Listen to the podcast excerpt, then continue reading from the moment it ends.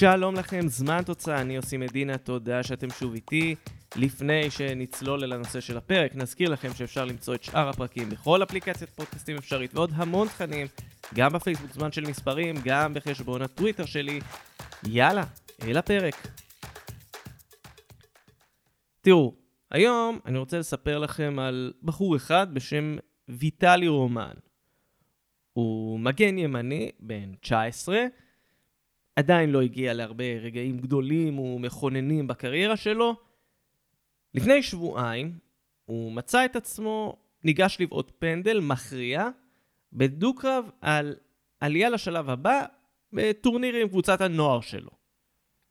עד כאן זה הסיפור הכי גנרי שתוכלו לשמוע. אז בואו נהפוך אותו למעניין, ונחזור שנה וקצת אחורה.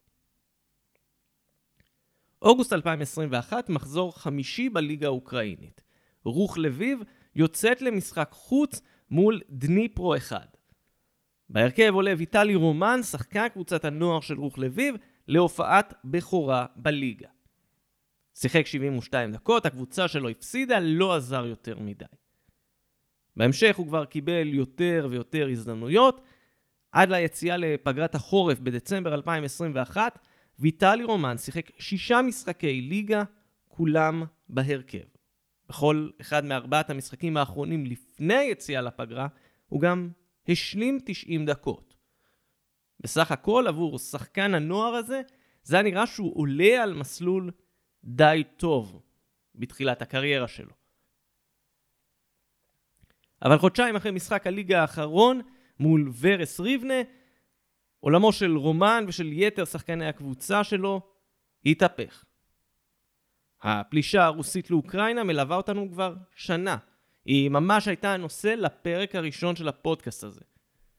הליגה האוקראינית הופסקה, גם הקריירה של ויטלי רומן נכנסה להקפאה. הפריצה שלו קדימה הייתה אמורה לתת לו זימון לנבחרת הנוער של אוקראינה.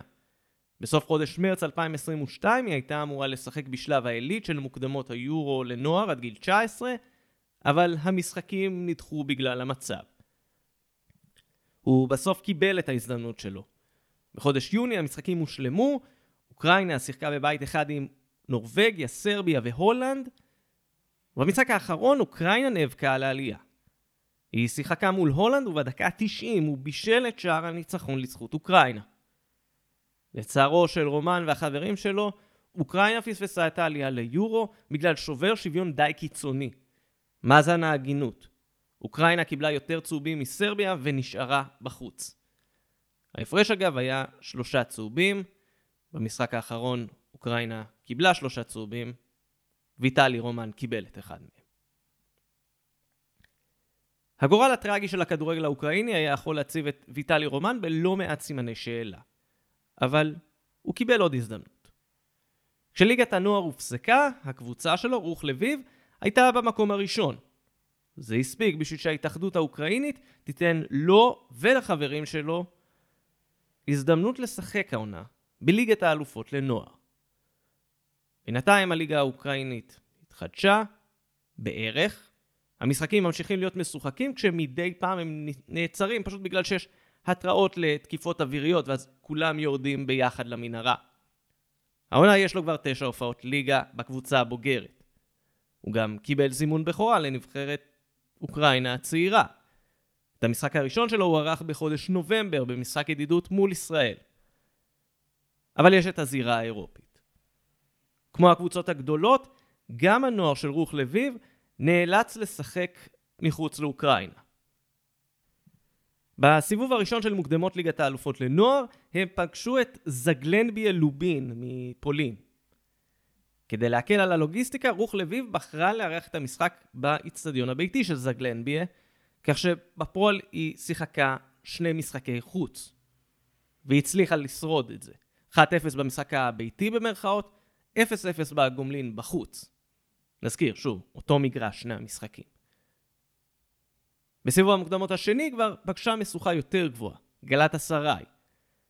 המשחק הראשון התקיים באיסטנבול, והיא הצליחה להדהים עם ניצחון 3-1. שבוע אחר כך היא אירחה את גלת אסריי, שוב בפולין, הפעם באיצטדיון אחר, 600 אוהדים הגיעו כדי לתמוך ברוך לביב, שהשלימה עוד ניצחון, 3-1 ו-6-2 בסיכום. עד עכשיו הכל נשמע נורא נוח, אבל שלב הפלייאוף הוא כבר אתגר גדול יותר. בסיבוב הזה, קבוצות שעלו ממסלול האלופות פוגשות את הקבוצות שסיימו במקום השני בשלב הבתים שמתקיים במקביל. באותו אצטדיון בפולין, בו היא ניצחה את גלת אסריי, היא אירחה בשלב הזה את אינטר. משחק אחד על כל הקופה. עכשיו צריך להגיד, אינטר זו חתיכת קבוצה. על הקווים, המאמן שלה זה קריסטיאן קיבו. בהרכב משחק אלכסנדר סטנקוביץ', הבן של דיין. בסגל יש גם שני שחקנים, ולנטין קרבוני ומתיה זנוטי, שכבר שיחקו בסריה A. יש שם שחקנים ששיחקו בקיץ האחרון עם נבחרות איטליה באליפויות אירופה, גם לנוער עד גיל 19 וגם לנערים עד גיל 17. כלומר, פערי רמות ברורים. ועדיין, בדקה ה-30, סרגי פנצ'נקו העלה את רוח לביב ליתרון מפתיע. בדקה ה-52, פרנצ'סקו פיו אספוסיטו השווה. עם אחת-אחת המשחק הולך לפנדלים. בעיטות, החמצות, אחרי חמש בעיטות לכל קבוצה, הלוח מראה 3-3.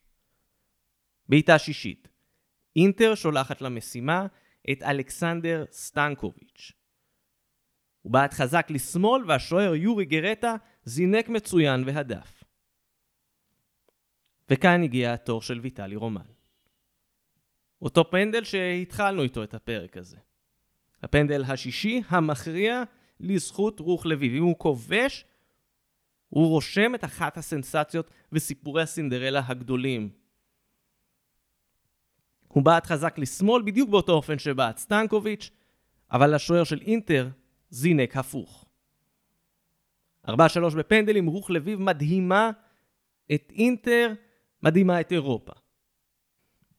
הקבוצה הקטנה ששיחקה חמישה משחקים, אף אחד מהם בלי יתרון באיטיות, היא אחת מ-16 הקבוצות הטובות ביותר לנוער השנה. השבוע נקבע בהגרלה שרוח לביב תפגוש בשמינית הגמר את מילאן. המשחק שלה יתקיים בעוד שבוע, הפעם היא תיסע למילאנו ותפגוש את היריבה העירונית של מי שהיא הדיחה בסיבוב הקודם. בין לבין, ביום שישי הקרוב, ה-24 בפברואר, אוקראינה תציין שנה לפלישה הרוסית לשטחה.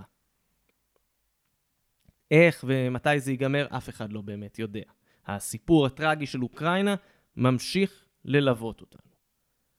והנערים האלה של רוח לביב ינסו להניף את דגל אוקראינה שוב.